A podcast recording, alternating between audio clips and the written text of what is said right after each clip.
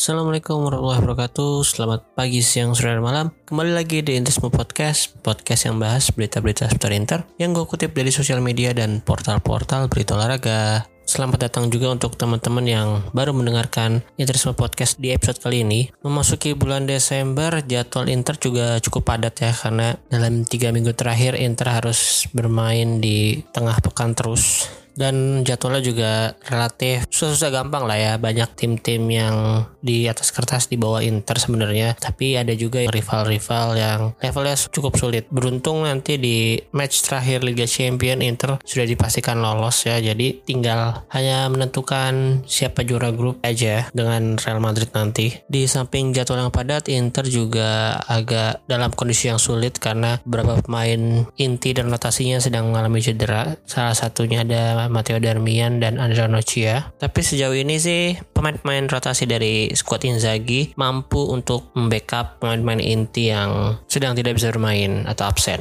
Oke, kemudian untuk pembahasan pertama gue mungkin akan membahas dua pertandingan kemarin dulu. Dua pertandingan yang relatif mudah yaitu melawan Venezia dan Spezia. Ketika melawan Venezia, Inter bermain tandang. Itu seru juga ya, gue baru lihat tuh Inter berangkatnya pakai uh, kapal atau ya jet boot apa apa ya gue nggak tahu sih sebutannya apa. Uniknya Venezia kan Venezia itu kota yang dikelilingi oleh sungai ya. Jadi mungkin lebih cepet kalau transportasinya lewat sungai nggak macet juga kali Di laga tersebut Inter menang dengan skor 2-0. Gol pertama dicetak oleh Hakan Calhanoglu dari tendangan luar kotak penalti. Gol kedua dicetak oleh Lautaro Martinez dari titik putih di menit-menit akhir sebelum laga usai. Terlihat banget Venezia sangat bermain defensif dan Inter juga sangat mendominasi baik ball possession atau shoot on target. Pertahanan ketat Venezia juga harus memaksa Inter lebih sering memainkan atau melakukan tendangan-tendangan dari luar kotak penalti. Untungnya kita kita punya pemain sekelas Hakan Calhanoglu yang memang tendangan dari luar kotak penaltinya sudah terkenal bagus sejak main di Bayer Leverkusen atau tim-tim sebelumnya lah ya. Di pertandingan ini menurut gua man of the match juga si Hakan Calhanoglu ya. Selain dari golnya, permainannya di lapangan juga udah mulai lebih fluid lagi, lebih beradaptasi sama Brozovic udah tektokannya udah enak banget. Ya semoga aja dia konsisten terus kan sempet di beberapa match ke belakang dia dicadangkan oleh Simone Inzaghi karena penampilannya yang kurang memuaskan memuaskan. Di samping dia cedera juga waktu itu. Cuman kali ini dalam beberapa pertandingan terakhir ketika lawan Milan lawan Napoli lawan uh, Venezia dan Spezia juga main konsisten main bagus. Kayaknya musim ini dia udah mencetak 4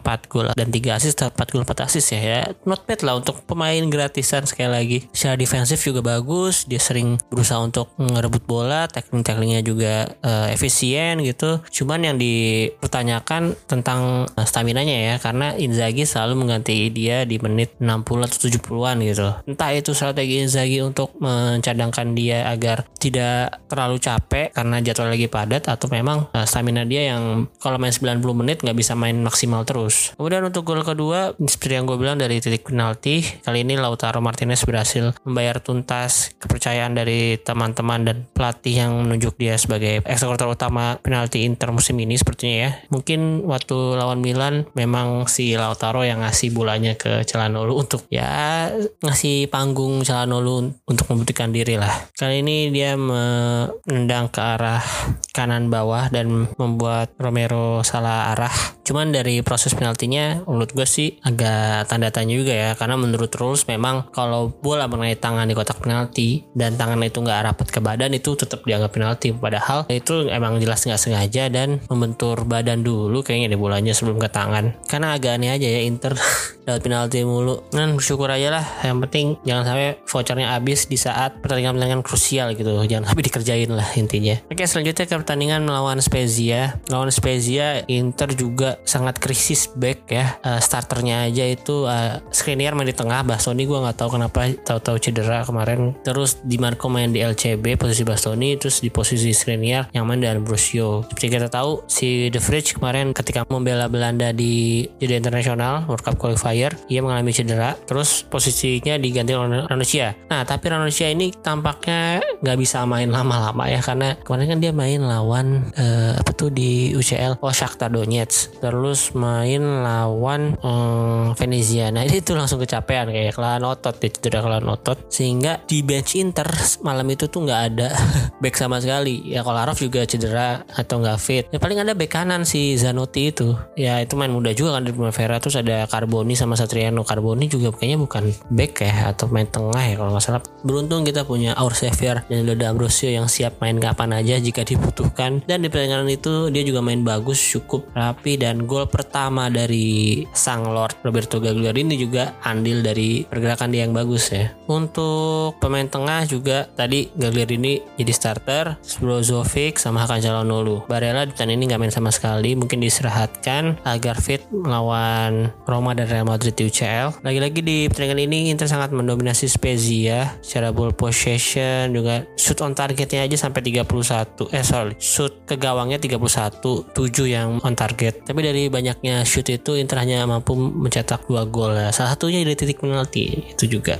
Dan Inzaghi ball ini cukup sangat ofensif sih karena pemain LCB dan RCB yang kemarin dimainkan oleh Di Marco sama D'Ambrosio aja itu sering banget naik bahkan sampai depan kotak penalti bener-bener gitu kombinasi Perisic dan D'Ambrosio juga bagus ya saling mengisi gitu. Jadi skala D'Ambrosio eh, De Marco lagi overlapping ke depan dia sering dikasih terpas oleh Di Marco terus jika eh, bolanya hilang atau kena intercept Perisic eh, sigap langsung isi posisi Di Marco sementara terus Di Marco track back ke balik ke belakang. Lumayan rapi lah. Jadi menurut gue sih sementara ini Di Marco justru lebih bagus mainnya ketika di LCB nih. Kalau di LWB dia ya mungkin speednya bagus cuman untuk gocek-gocek melewati pemain lawan masih jauh di bawah Perisic sih. Kemudian Denzel Dumfries yang main di RWB juga dengan ini sosok lah nggak buruk-buruk amat dan nggak bagus-bagus amat. Banyak peluang dia juga peluang berasal dari pergerakan dia juga. Terus dia ada satu shoot on target. Dan di babak kedua sayang sekali dia juga gagal cetak gol. Padahal itu tinggal nyontek bola rebound doang dari proses yang cukup bagus juga ya. Dari kalau nggak salah Korea terus ke uh, Lautaro ke Hakan Calhanoglu lagi. Itu 90% harusnya gol. Cuman tendangan Calhanoglu masih mampu ditepis oleh Provedel yang kemarin juga main bagus. Nah bola rebound itu tuh sebenarnya gue kira tuh bakal ditinggal ditendang ke kiri doang gitu sama Dumfries. Cuman nggak nyampe ternyata. Aduh sayang banget tuh bisa jadi gol pertama Dumfries di Inter musim ini juga. Dan lagi-lagi uh, Inter dapat penalti di pertandingan ini. Ya memang handsball bener-bener handball sih. Cuman aneh aja ya ngerasain terdapat penalti 4 pertandingan berturut-turut tuh. Heran sendiri sebagai Interisti juga. Di pertandingan lawan Milan dapat dua penalti satu gol satu enggak. Lawan Napoli dapat satu penalti. Terus lawan Venezia satu penalti. Lawan Spezia dapat satu penalti lagi. Bukannya nggak bersyukur ya cuman belum terbiasa aja kalau menurut uh, sempreinter.com pemain Inter dengan rating terburuk di pertandingan ini adalah Hokin Korea gue juga agak aneh sih karena Hokin Korea mainnya nggak buruk-buruk amat. Dia banyak peluang juga cuman ya memang belum beruntung aja. Mungkin karena itu ya karena banyak peluang tapi dia nggak bisa mengkonversi jadi satu gol atau ngasih assist gitu. Lumayan lah musim ini udah 4 gol. Musim lalu di Lazio dia cuma 8 gol lah. Sekarang udah setengahnya. Kayaknya sih bisa lah hampir 10 gol lah uh, musim ini si Korea untuk of the match. Menurut gue sih Lautaro Martinez dengan kali ini satu gol dan satu assist. Ya di gol Gagliardini assistnya enak banget sih cuman uh, sentuhan kecil aja sentuhan dikit berupa arah bola dia lihat Gagliardini yang masuk tanpa penjagaan. Dan dengan Gagliardini tumben bagus sih. Cuman eh enggak gue gue gue ini juga kemarin fans Nerazzurri nge-tweet kalau Gagliardini tendangannya bagus. Dan memang kalau kalian enggak ya di beberapa beberapa gol Gagliardini tuh rata-rata tendangannya yang uh, ini loh gol-gol tendangan cantik gitu. Jadi posisi sulit atau blessing-blessing yang bagus. Dan kalau dimainin juga attempt-attempt dia tendangannya juga nggak buruk-buruk amat nggak seburuk gua Arina nendang nembak burung gitu. Kalau memang dia dapat uh, chance untuk nendang dari luar kotak penalti atau mungkin nendang ke gawang lah, rata-rata itu sih on target semua. Kalau kalian cari di YouTube highlight Gagliardini, pasti kebanyakan masih tendangan luar kotak penalti itu. Apalagi masih waktu masih di Atalanta ya. ya cuman yang selama ini bikin kita ngeselin kan passing-passingnya sama dribblingnya ya atau apalagi kalau dia dimainin di kondisi Inter tuh lagi dikejar oleh tim lawan terus dia mainin terus dia cuma jogging jogging jogging jogging doang terus sering kehilangan bola. Itu yang gue nggak tahu kenapa dia sering melakukan itu. Cuman dalam beberapa tahun terakhir selama dia main di Inter tuh sebenarnya salah satu alasan dia dimainkan oleh pelatih pelatih Inter saat ini atau sebelumnya dia bisa cari ruang gitu cari ruang di kotak penalti atau di pertahanan lawan entah itu untuk menarik penjagaan striker kita atau memang dia jadi target man ya karena posturnya secara postur juga tinggi kan kalau dikasih bola-bola atas. Uh, sering juga nyetak gol dari sundulan. Oke next. Sekarang kita bahas pertandingan selanjutnya. Pertandingan Roma melawan Inter yang baru berlangsung tadi malam saat gua ngetek podcast ini. Di pertandingan ini menurut gua pertandingan Inter terbaik sepanjang dipegang Simone Inzaghi. Kalau dari statistik Inter hampir unggul di segala hal ya. Dari jumlah shoots Inter unggul 10 banding 9 on targetnya 4 banding 1. Possessionnya lumayan mendominasi banget nih, 67% banding 33%. Jumlah passingnya jauh banget, 765 banding 390. Dari kartu kuning juga Roma lebih banyak, 3 banding 1. Roma ini banyak atau lo sering banget uh, eh, dapat kartu kuning ya gue nggak tahu ya, gaya mainnya Roma di pertandingan dengan sebelumnya gimana cuman Jose Mourinho sih mengakui kalau timnya itu kurang disiplin masalah kartu kuning atau masalah pelanggaran ini di pertandingan lawan Inter kemarin aja uh, Ricard Drop sama Tammy Abraham absen karena akumulasi kartu kuning kan selain ada pemain absen juga Mourinho nggak bisa diperkuat oleh pemain andalannya itu Lorenzo Pellegrini terus Leonardo Spinazzola yang masih cedera di Euro kemarin satu lagi Avenagian main muda Rising Star yang dikasih sepatu Balenciaga sama Mourinho harus istirahat karena menderita COVID-19. Kalau dari interview setelah pertandingan kemarin dari bola.com, translate gini. Jose Mourinho mengakui Inter Milan lebih kuat dibandingkan AS Roma. Lagi Roma juga tidak tampil dengan kekuatan terbaiknya. Ada pemain yang jatuhin sanksi juga di backup cedera. Terus Mourinho bilang gini, Inter lebih kuat dibandingkan kami dalam kondisi normal. Dalam kondisi tidak normal, mereka jauh lebih kuat dari kami. Musim lalu mereka unggul 29 poin dari Roma. Hari ini dengan cedera dan pemain yang diskors itu sangat sangat sulit. Potensi menyerang kami pada praktisnya nol, sangat penting untuk mencetak sebuah gol karena kami punya tiga kesempatan tapi tanpa hasil. Ketika Anda bermain dengan pertahanan yang punya Ibanez dan berbagai pemain lain di luar posisi normal mereka, Anda masih tidak bisa kebelan gol pertama dan ketiga. Selamat untuk Inter, tentu saja saya mendoakan mereka semua yang terbaik pada hari Selasa nanti ketika bertemu Real Madrid. Nih, tumben banget gue lihat interview Mourinho tuh yang nggak ada bahasa-bahasa sarkasnya gitu loh.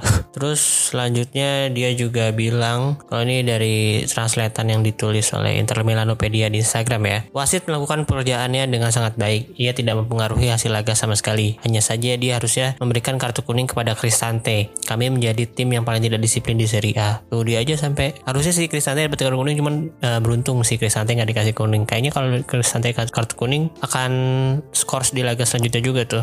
Gue nggak tahu sih ini Mourinho muji wasitnya sarkas atau enggak. Cuman uh, tumben-tumben dan dia tuh nggak marah-marah pas di pertandingan juga kalem.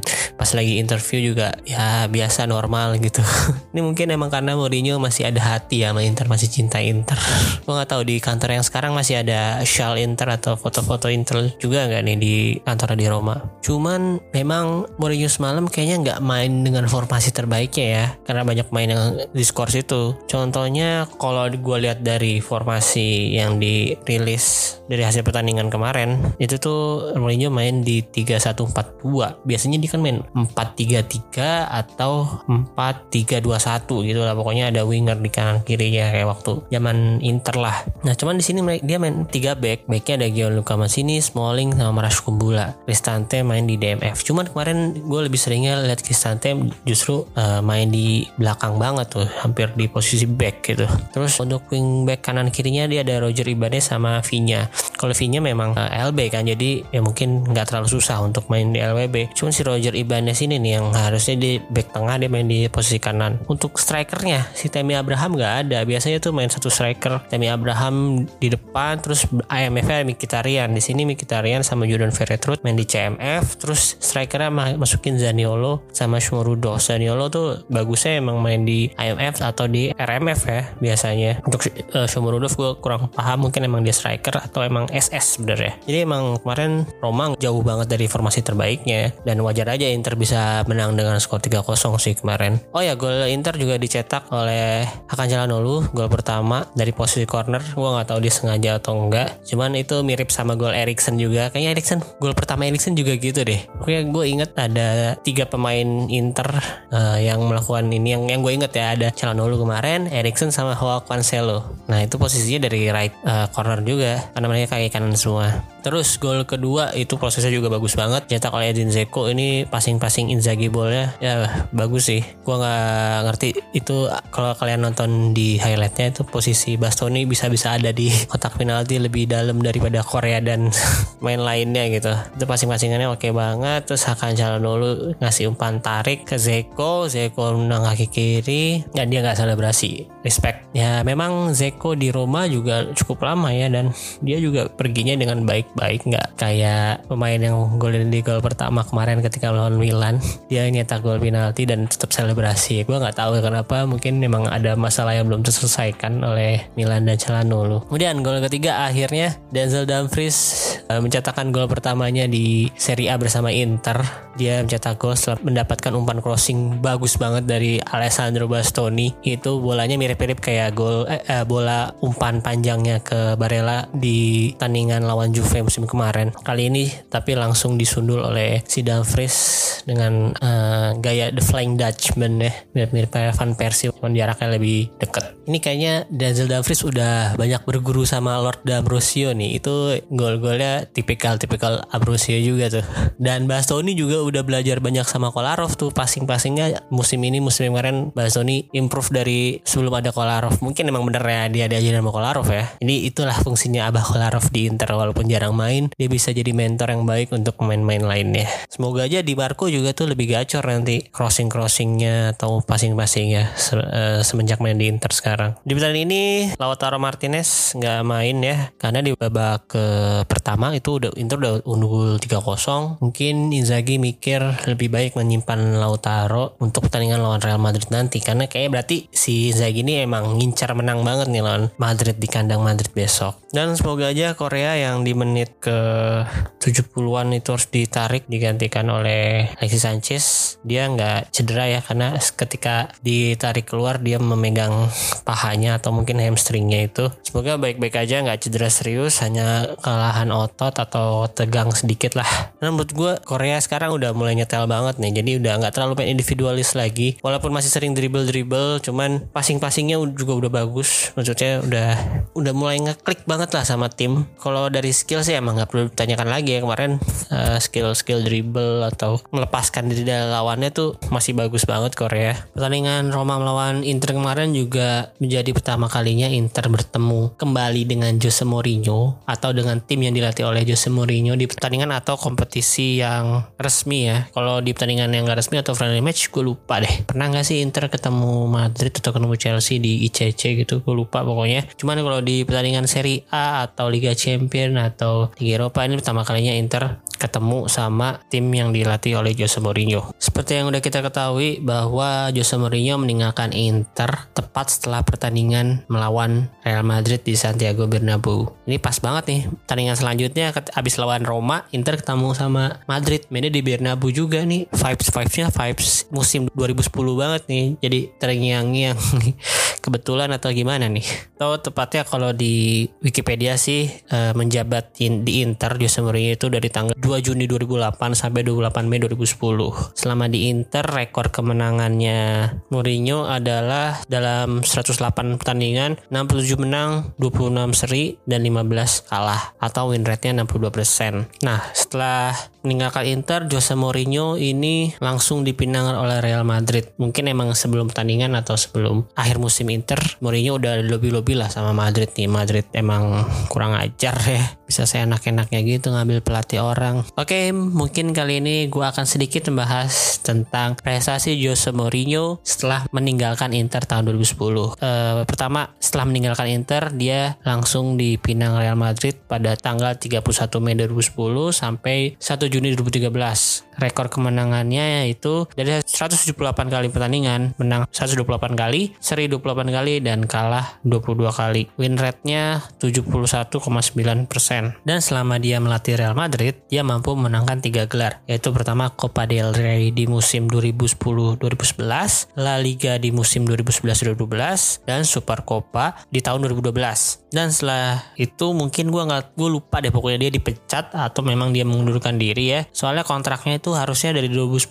sampai 2015 atau 5 tahun lah biasanya. Nah setelah itu dia balik ke Chelsea tanggal 3 Juni 2013 sampai 17 Desember 2015. Nah uh, seperti yang kita ketahui juga sebelum ke Inter Milan, Jose Mourinho juga pernah ngelatih Chelsea dari musim 2004 sampai 2007. Nah di perjalanan keduanya bersama Chelsea ini nggak terlalu baik ya atau nggak sebagus ketika dia menjadi pelatih Chelsea pertama kali. Di kesempatan keduanya bertanding sebanyak 136 kali, menang 80 kali, seri 29 kali, dan kalah 27 kali. Atau win rate-nya hanya 58,8%. Nah selama melatih Chelsea untuk kedua kalinya, dia mampu memenangkan hanya dua gelar aja nih, yaitu Premier League dan English League Cup, dua-duanya di musim 2014-2015. Setelah itu dia pindah ke Manchester United, tapi kali ini nggak langsung ya, soalnya uh, dia sempat nganggur dulu dari Desember sampai bulan Mei nih. Dia mulai melatih MU di bulan atau di tanggal 27 Mei 2016 sampai 18 Desember 2018. Selama menangani MU, dia bertanding sebanyak 144 kali, menang 84 kali, seri 32 kali dan kalah 28 kali. Win rate-nya hanya 58,3%. Kemudian untuk gelarnya dia mampu mendapatkan satu kali gelar Community Shield dari di musim 2016, Piala EFL di musim 2017 dan satu Europa League di musim 2017. Oke, setelah itu uh, dia mungkin dipecat dan nganggur cukup lama lagi nih nganggur hampir satu tahun kali ini. Cuman nganggur yang Mourinho ini pasti dibayar sih. Biasanya kalau tim memecat pelatih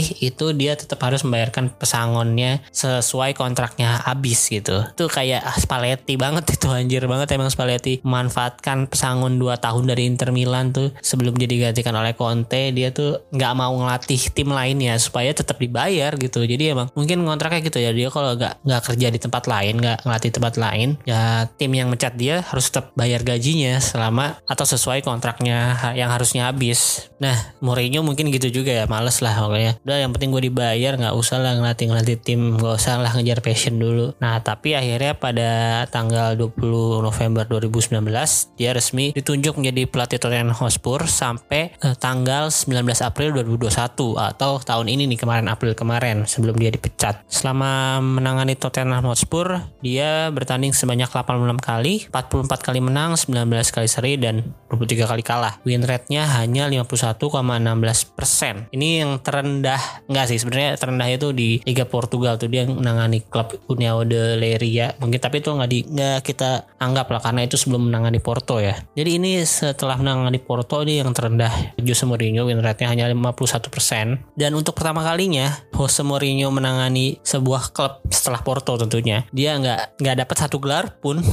Emang Tottenham ini ya pemainnya udah bagus-bagus, timnya secara finansial mungkin didukung banget sama investornya atau pemiliknya. Cuman emang kalau di Liga Inggris ya nggak cukup sih hal itu. Pemainnya dia punya Son Kane lo Kas Moura kipernya Hugo Lloris. Terus pokoknya tiap musim selalu beli pemain yang seenggaknya bagus lah gitu di Premier League. Cuman kasihannya tropinya tetap kosong lemari tropinya.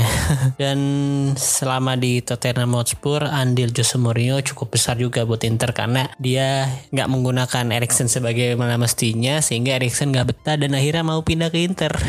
Itu kan ada di ini ya tapi wise banget sih. Kalian bisa nonton di Amazon tuh ada kalau nggak salah musim kemarin emang si Tottenham ini bikin konten gitu lah di Amazon untuk di belakang layar belakang layarnya tim Tottenham Hotspur ini yang nggak di depan layar doang. Kayak waktu uh, pertengkaran Son sama Hugo Loris tuh di pertandingan apa gue juga lupa. Itu biar di sini ada di sana. Gue nggak tahu ya itu gimmick atau real atau ya biar seru aja gitu.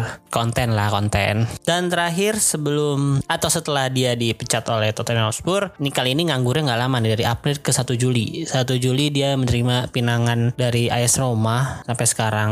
Dan gue nggak tahu nih apakah akan zero trofi lagi bersama Roma atau seenggaknya bisa mendapatkan satu trofi kalau gue sih sangat mendoakan yang terbaik untuk Jose Mourinho entah dia mau ngelatih tim mana. Dan gue harap sih nggak menang Serie A ya tapi ya nggak menang Serie A atau Coppa Italia karena Inter masih main di dua kompetisi tersebut. Cuman gue sangat berharap Jose Mourinho bisa menang di Europa Conference League karena ini Roma potensial banget menang di sini. Dan bisa jadi sejarah pertama juga kan karena kompetisi ini baru digelar. Ya harusnya sih Mourinho dan Roma bisa jadi pemenang pertamanya lah. Lawannya juga nggak ada yang maksudnya yang top tim Eropa gitu. Paling cuma Tottenham Hotspur ini. Dan Tottenham Hotspur sekarang dilatih oleh Conte juga kan. Nah seru juga nih kalau nanti Roma ketemu Tottenham Hotspur di final tuh.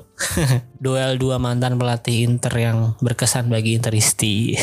Waktu lawan dan. Bodo Glim itu gue nggak tahu tim dari mana itu. Gue kaget banget kan si Roma bisa kalah 5-1 eh 6-1 bahkan dari tim itu. Oke pokoknya gue mendoakan yang terbaik aja untuk Jose Mourinho. Semoga bisa dapat atau bisa jadi juara UEFA Conference League. Nah ini kalau misalnya dia juara gue nggak tahu dia bakal lolos ke Europa League atau UCL sih musim depannya. Karena kalau dari standing sih Roma juga cukup sulit nih untuk lolos ke UCL ya. Karena empat besar sekarang uh, Milan, Inter, Napoli sama Atalanta. Lazio, Roma dan lain-lainnya itu cukup jauh tuh jarak dari empat besar itu. Nggak bisa dipungkiri kalau si Jose Mourinho ini merupakan salah satu pelatih favorit gue juga selama menangani Inter. Ya gimana enggak itu satu-satunya tim yang bisa membawa Inter treble dan jadi juara UCL selama gue jadi Interisti ya baru Jose Mourinho. Selain dari uh, taktik permainannya yang gue suka sih emang ininya nih apa uh, attitude-nya atau karakteristiknya lah ya ya sengah-sengah gitu sarkas-sarkas. Kalau dia jadi pelatih tim yang kita dukung sih itu seru banget. Jadi nggak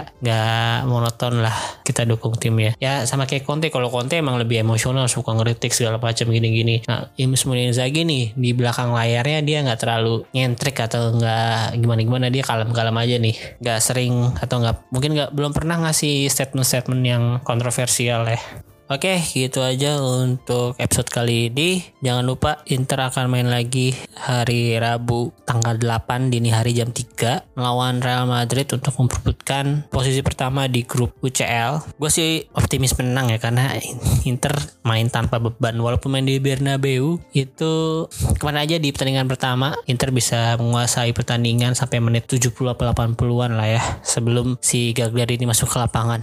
Pokoknya Terima kasih untuk teman-teman yang udah mendengarkan. Jangan lupa di follow akun sosial medianya di Interisme Podcast. Kalau Instagram, Interisme Media, kalau Twitter. Terus Interisme Podcast juga bisa didengerin di Spotify dan Noise. Kalau di Spotify jangan lupa dinyalain loncengnya. Biar tiap ada episode baru kalian akan langsung dapat notifikasinya. Oke, sekali lagi terima kasih. Arif Forza Inter.